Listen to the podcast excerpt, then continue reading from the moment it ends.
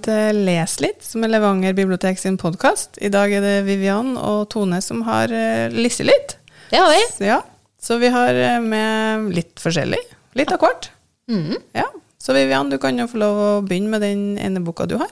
Ja, jeg har med meg Havanna Taxi av Ståle Wiig. kom på Kagge forlag i 2022. Eh, Det er vel en sjanger, tenker jeg, som kommer mer og mer.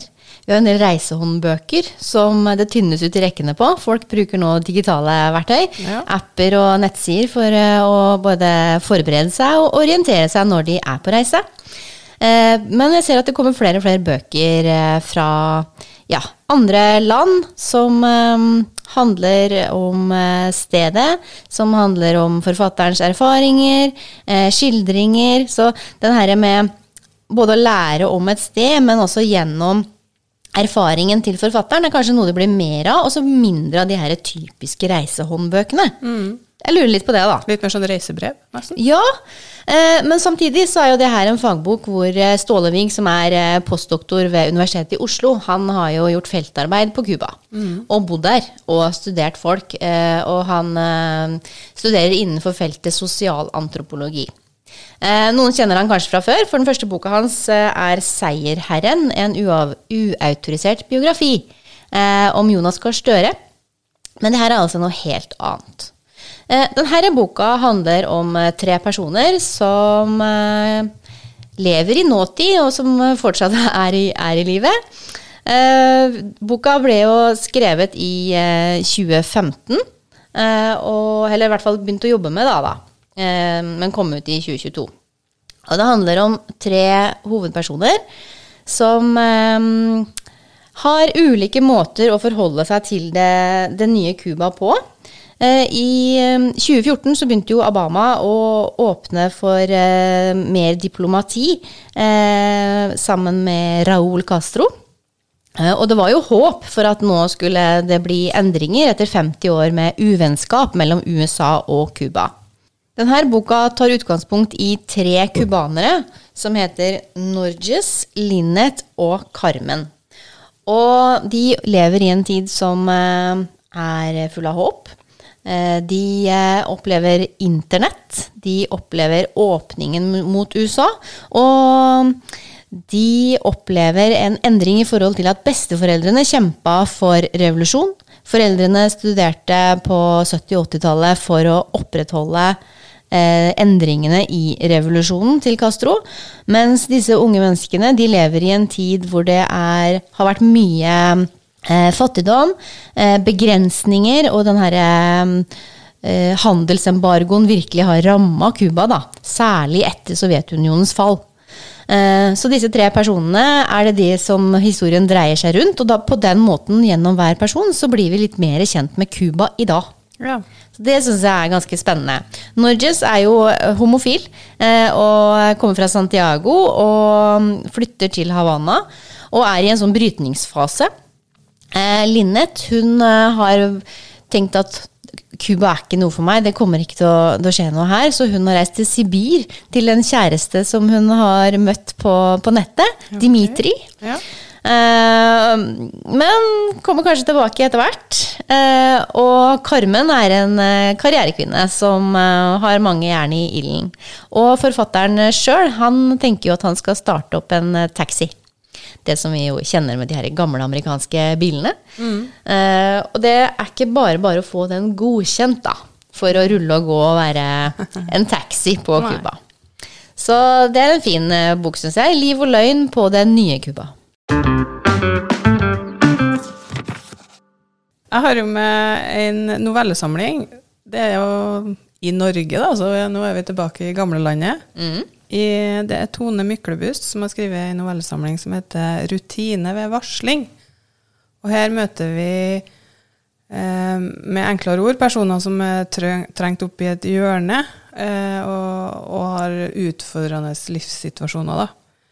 Og forfatteren hun har ganske sånn underholdende og alvorlig skråblikk, og det handler jo om helt sånne vanlige, hverdagslige situasjoner som arbeidsforhold og et skolesystem som svikter, og skattefusk, da, for å nevne noe.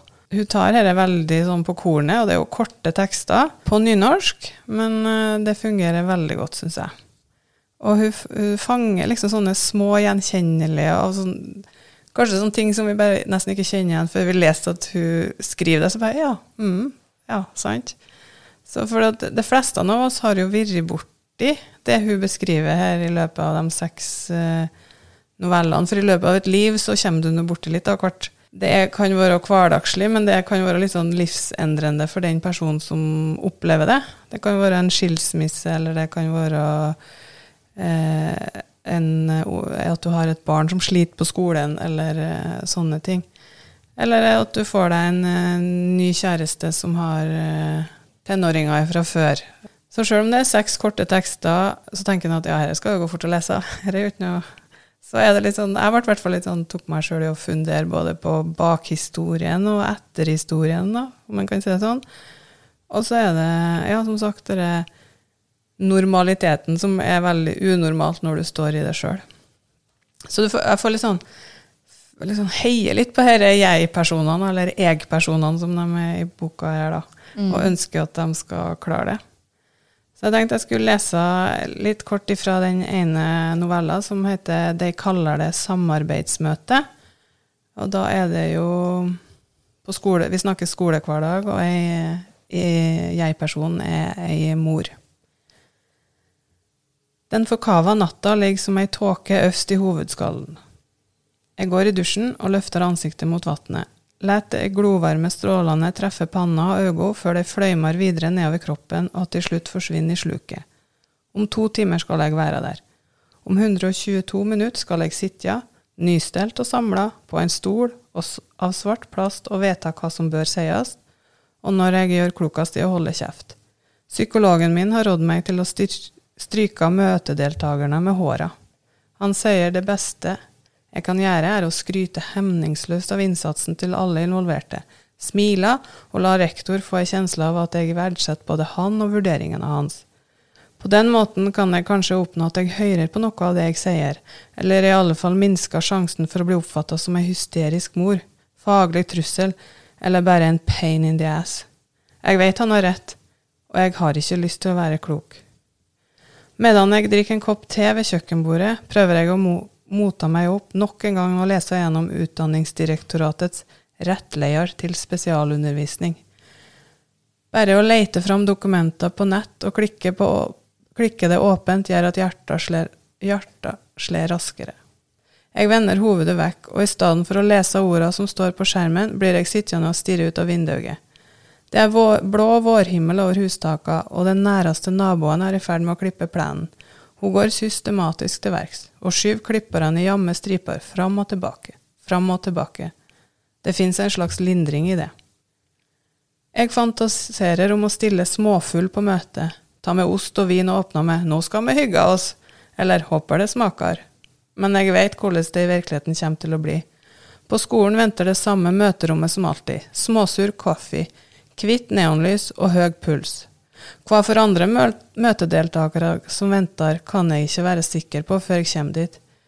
Forrige gang viste det seg at kontaktlæreren til Marie var syk og derfor fraværende. Den andre overraskinga var at rektor hadde invitert med ei nytilsatt dame fra kommunen som hadde fått i oppgave med å koordinere tilbudet til slike, som rektor uttrykte det. For meg betydde det å gi enda et ukjent menneske innsyn i dattera mi sitt liv og de mest vaklevorne rommene i meg sjøl. Uff. Ja. ja. Sjøl om det er korte tekster, så sitter de De satt i hvert fall litt til meg. Mm. Mm. Så da vet ja. ikke jeg hva du har å Jeg har også en bok eh, som handler om ei dame, en forfatter, som heter Sissi Dangaremba. Og det er jo et navn jeg tenker vi bør merke oss. Eh, det er først eh, Ja. Altså, hun debuterte i 1988, men det er en forfatter som blir mer og mer oversatt til norsk nå, da. Den boka her heter Svart og kvinne, og er et essay som kom i år. Uh, og Sissi Dangaremba hun er forfatter, dramatiker og filmregissør fra Zimbabwe, født i 59. Boka starter med uh, der hun uh, forteller om sitt eget liv. For på 60-tallet så var jo de fleste landa i Afrika i prosesser der de holdt på å bli selvstendige. Eh, De holdt på å løsrive seg fra, fra imperiet og kolonimaktene. Eh, og så er det jo de landene i den sørligste delen av Afrika som eh, sliter. De som har flest eh, hvite, eller som liksom sliter under hvitt mindretallsstyre, da, som vi vet i forhold til eh, Sør-Afrika, apartheid, og eh, tidligere land som Sør-Rodesia, som, som Zimbabwe. da. Eh, og hun kommer fra Zimbabwe. Foreldrene får eh, den herre stipendene som var veldig vanlig å gi til flere studenter på 60-tallet. Det var veldig Jeg tror det var, var 11 000 eh, fra bl.a. Ghana som studerte i, eh, i London på 60-tallet. Eh, mange av de her var jo unge mennesker som hadde barn, eller fikk barn. Eh, og det som er spesielt, det er at de satte de vekk til hvite arbeiderklassefamilier som, som en slags fosterhjem. da. Og den tida der så var det ikke så vanlig å ha så mye mm, kunnskap om barns psykologi. Eh, og dette med gode overgangsprosesser og ja. Det ordner seg. Det er ikke noe problem. Ja, det var veldig dramatisk. Altså, hun beskriver det med å komme til England, eh, besøke denne familien som hun ikke ante hvem var, få være inne i hovedrommet med alle de fine lekene, skulle sprette rundt og leke og fortelle om det her til foreldrene sine etterpå. Så var foreldrene borte. Hun beskriver hele den prosessen som en eh, giljotinering. At hun på en måte får kappa av deler av kroppen, og bruker det som et bilde for å beskrive hvor traumatisk det var. At de trygge, gode foreldrene plutselig var borte. Og at de her nye fosterforeldrene var de som skulle ta vare på hun og broren. da. Eh, De hadde jo da et språk som de ikke kjente, og en helt annen måte å, å være på enn det de var vant til. Så hun var tre år eh, når hun opplevde det her første store traumet sitt. da. Eh, Så hun skriver litt om det med kolonitida, slavetida. Men hun skriver sånn her i boka. Imperiets herjinger strekker seg lenger tilbake i tid og rom enn vi vanligvis har lyst til å forestille oss. Fortellinger om afrikanere som ble fanget og solgt som slaver av europeiske slavehandlere, er allmenn, smertefull kunnskap i dag. Vi har hørt om grusomhetene som ble gått mot svarte kropper som ble ført i land langs østkysten av Amerika. Historien om den transatlantiske slavehandelen er historien om imperiet, slik det blir bevart og i økende grad kjent. Menneskehandel med svarte kropper var så viktig for imperiet at dets representanter holdt nøye regnskap over menneskene de gjorde til handelsvare. Langt mindre kjent er imidlertid de ødeleggelsene denne menneskehandelen påførte hjemmene, lokalsamfunnene og statene, som svarte kropper mot sin vilje ble tvunget vekk fra for å gjøres til slaver. Generasjoner lemlestes av eh, slaveri finner, finnes både på Atlanterhavets østlige og vestlige bredde. Det afrikanske kontinentet mistet store deler av sin befolkning pga. denne slavehandelen. Og tallet er jo anslått til 13 millioner av kontinentets folk. Så det her er liksom eh, en eh, fortelling om hennes eget liv. Hun er eh, feminist, aktivist, og så er hun opptatt av at hun i tillegg er kvinne, og at eh, utvikling nødvendigvis ikke går kronologisk fremover, men at man fort kan få tilbakesteg. Så denne kampen for eh, rettigheter for kvinner og barn er jo fortsatt eh, aktuell. Ja, den er veldig aktuell. For eh, jeg har jo med ei anna bok fra Afrika. Og der er det jo akkurat eh, rettighetene for barn spesielt, da. Abi Daré heter forfatteren. Eh, hun har tatt utgangspunkt i oppveksten sin i Lagos i Nigeria. Leseren eh, følger Aduni, som er 14 år, gjennom ulike faser i livet. Og liksom spørsmålet vil hun noen gang nå drømmen sin, da, som er å bli lærer. For hun er veldig glad i å lære seg ting, og veldig glad i å gå på skole, og hun vil lære bort. Hun har en liksom sånn klar tanke, sjøl om hun bare er 14 år. Og hun bor på den nigerianske landsbygda i lag med faren sin og to brødre når vi møter henne. For mora, hun har gått bort. Denne lille jenta på 14 år, hun sørger veldig over mora si, og sørger òg for at hun ikke får lov å gå på skolen noe mer. Fordi fattigdom tvinger faren til å selge Aduni som tredjekone til en, eh, en eldre slem kar som har ansikt som en, en geitebukk, står det i boka. Mm -hmm. Og han har da to koner fra før, men ingen av disse konene har klart å gi ham en sønn. Eh, og så det, da må han jo ha ei tredje da, for å få til det. Eh, og møtet med de to andre konene er ikke bare positivt. Man kan jo tenke litt sånn at de står sammen, felles skjebne, felles trøst-type, men det, det, gjør de ikke. da. Det er et sånt hierarki her. Så førstekona hun er slem og voldelig. Men heldigvis så er andrekona litt mildere, og hun tar til seg Aduni og gir henne forklaring. Husk på at dette vet jeg er bare 14 år, hva hun er nødt til å gjøre, og, og gir henne omsorg. Og andrekona hun er jo bare 20 år sjøl, men hun er på vei med nummer fire etter tre døtre, og hun er villig til å gjøre drastiske tiltak da, for at denne ungen her skal være en sønn. fordi at hvis hun ikke får en sønn nå, så har han mannen sagt at da kutter han støtten til familien hennes, og da vil de sulte. Og dette her fører til ei veldig tragisk hendelse, og hun Adunni innser at hun er nødt til å komme seg vekk herifra. Så til slutt så klarer hun å rømme, og så havner hun som hushjelp eh, i hovedstaden Lagos, hos ei som heter Big Mama. Eh, dessverre da, så er jo ikke hun noe særlig snillere enn den mannen hun rømte ifra. Så herre her, det blir jo sagt i boka at herre slavene de har ikke lenker lenger, men de finnes like fullt og helt. Mm. Og det er noen som mener de er over andre. Mm. Så hun, Aduni her da, hun blir involvert i mangt og mye på sin vei, men hun slipper aldri den drømmen om å gå på skole, sånn at hun kan bety noe både for seg sjøl, men og for andre. Og hele tida så er det den tankegangen om i morgen blir en bedre dag. I mm. morgen blir en bedre dag. Så um, i huset til hun Big Mama der da, så er det et stort bibliotek. Og hun, hun lurer seg til å få lese vel, en del fra dette biblioteket, da, og lære seg både engelsk, for det er jo veldig gebrokkent eh, til å begynne med, og andre faktaopplysninger. For hun kommer jo fra fattigslige kår, og de, hun vet jo knapt nok hva rennende vann altså i kranen eller TV eller altså Det er jo skildra, det er jo helt eh, tragisk hvordan eh, de lever. Og her er jeg fra 2014, mm. så det er ganske nært i tid. Boka kom på norsk i 2023, men eh, opprinnelig utgitt tidligere, da. Og det som er litt sånn artig eller spennende med romanen, det er at språket er skrevet med Aduna sine ord, og det er veldig sånn gebrokkent engelsk, så det, mm. det blir litt artig, og så er det veldig sånn talende, for at det er, det er sånn ordbruk og skildringer av miljø og landskap og språkbilder som bare sånn Ja, det sånn er det. Og så er det sånn måte å, å, skildre det på som du Ja, det var egentlig ganske god skildring av Det å være nervøs, f.eks., eller det å være redd, eller det å være lei seg. Så oversetteren har jo gjort en uh, kjempejobb, og måtte ha hatt en krevende jobb, tenker jeg. Mm. Ja. Så den skulle hun uh, lese litt.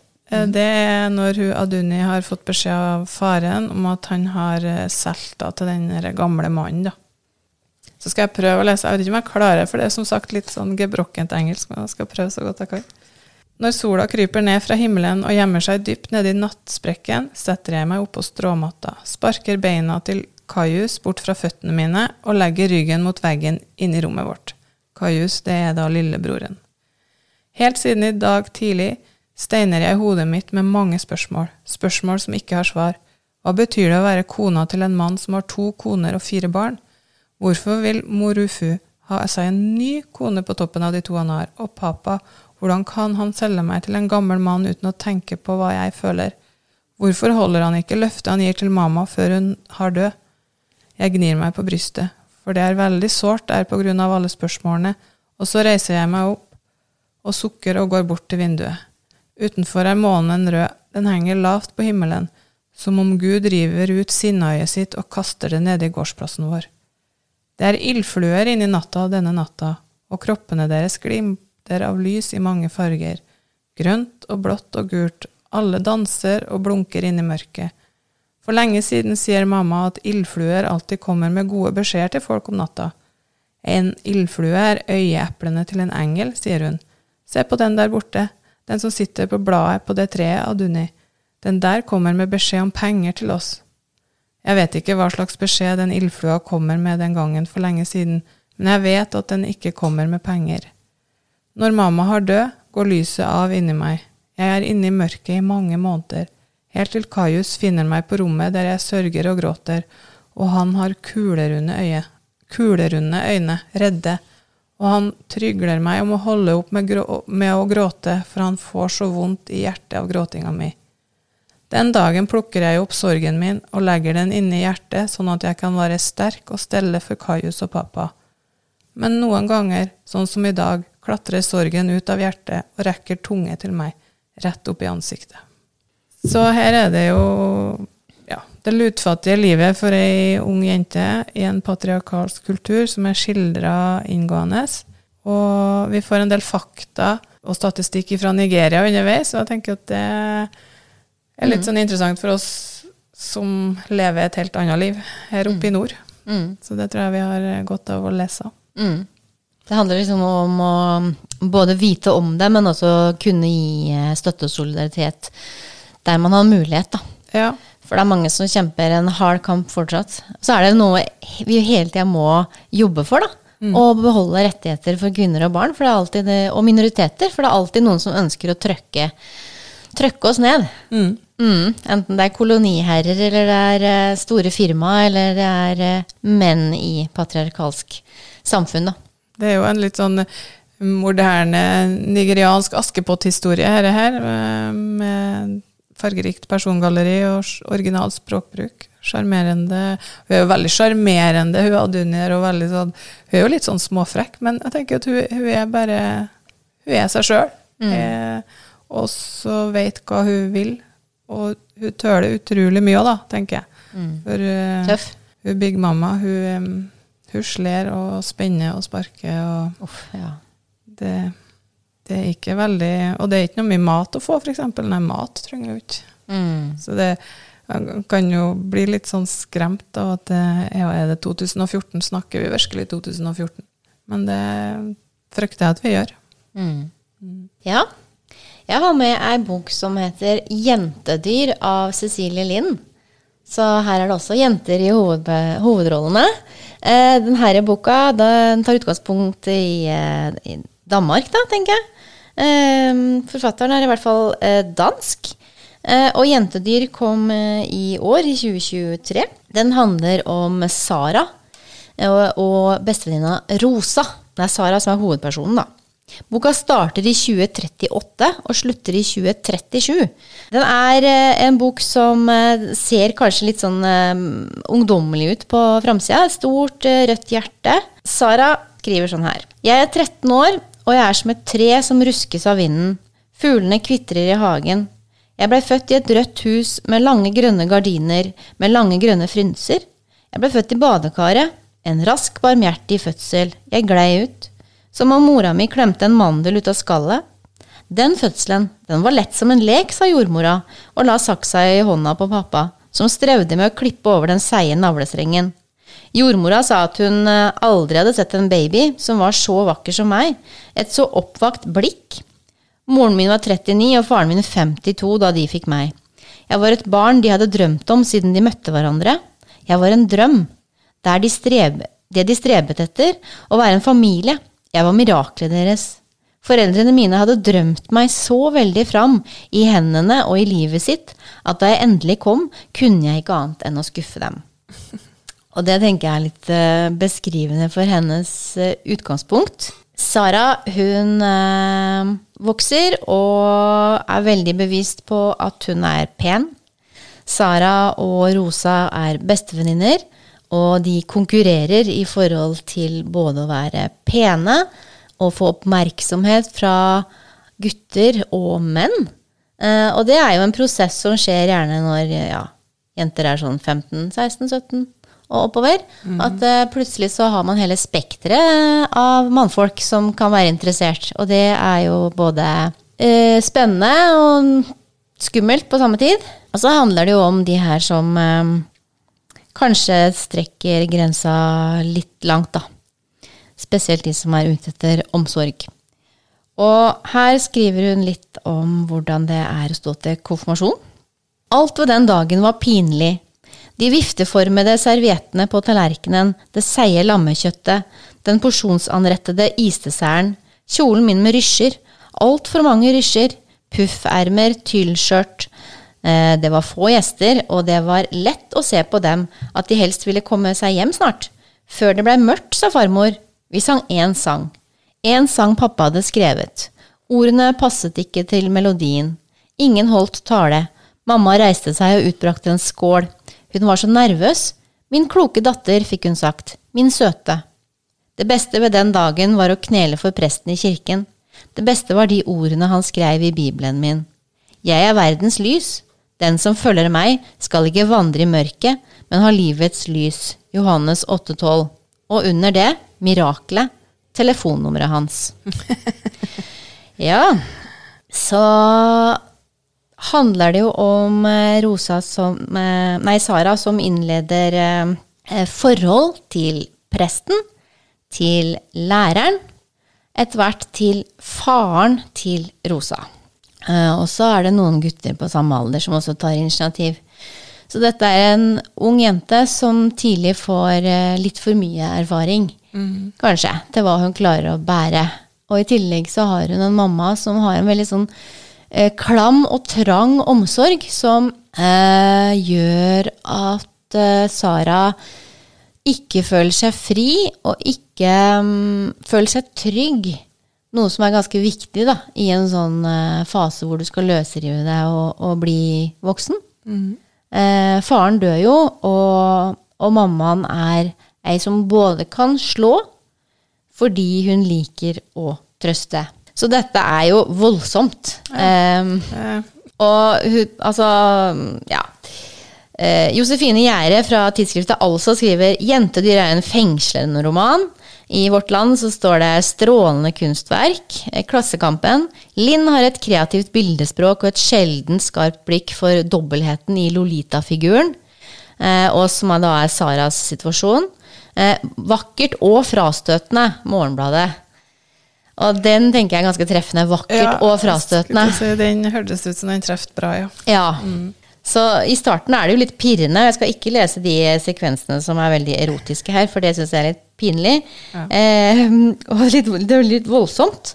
Eh, samtidig så har jeg lyst til å gå inn i teksten og bare ta ut denne jenta, og så si du, du skal få lov å være ung litt til, du. Du skal få lov å være jente. Ja, rett og slett. Det, altså, den boka her er jo ja, Den er jo ikke så veldig tjukk. ikke så veldig tjukk, men utrolig eh, fascinerende. Altså, jeg blir jo, ble jo sittende og lese til jeg var ferdig. Ja. Eh, og Cecilie Lind hun er født i 1991, så hun er ganske ung. Utdanna ved Forfatterskolen i Danmark. Og debuten, debuten hennes eh, het 'Ulven åt min eyeliner' i 2010. Så hun utgir jo både romaner og, og dikt, da. Blant annet et langdikt som heter 'Mitt barn', som blei nominert til Politikkens litteraturpris. Så dette er sikkert en forfatter vi kommer til å høre mer fra, vil jeg tro. Det vil jeg tro. En treffende penn. Ja. Både sjokkerer og interesserer. Men det vil jo egentlig si at vi stort sett har hatt med kvinnelige forfattere i dag. Det var, vi begynte med en uh, Ståle Wig og skal vi si er mann, da. Ja. Ja. Ellers så var det sterke kvinner og jenter. Og litt utfordrende livssituasjoner. Mm. Så da håper vi at dere har fått noen tips som dere har eh, lyst til å lese. Så da sier vi takk for oss. Takk for oss.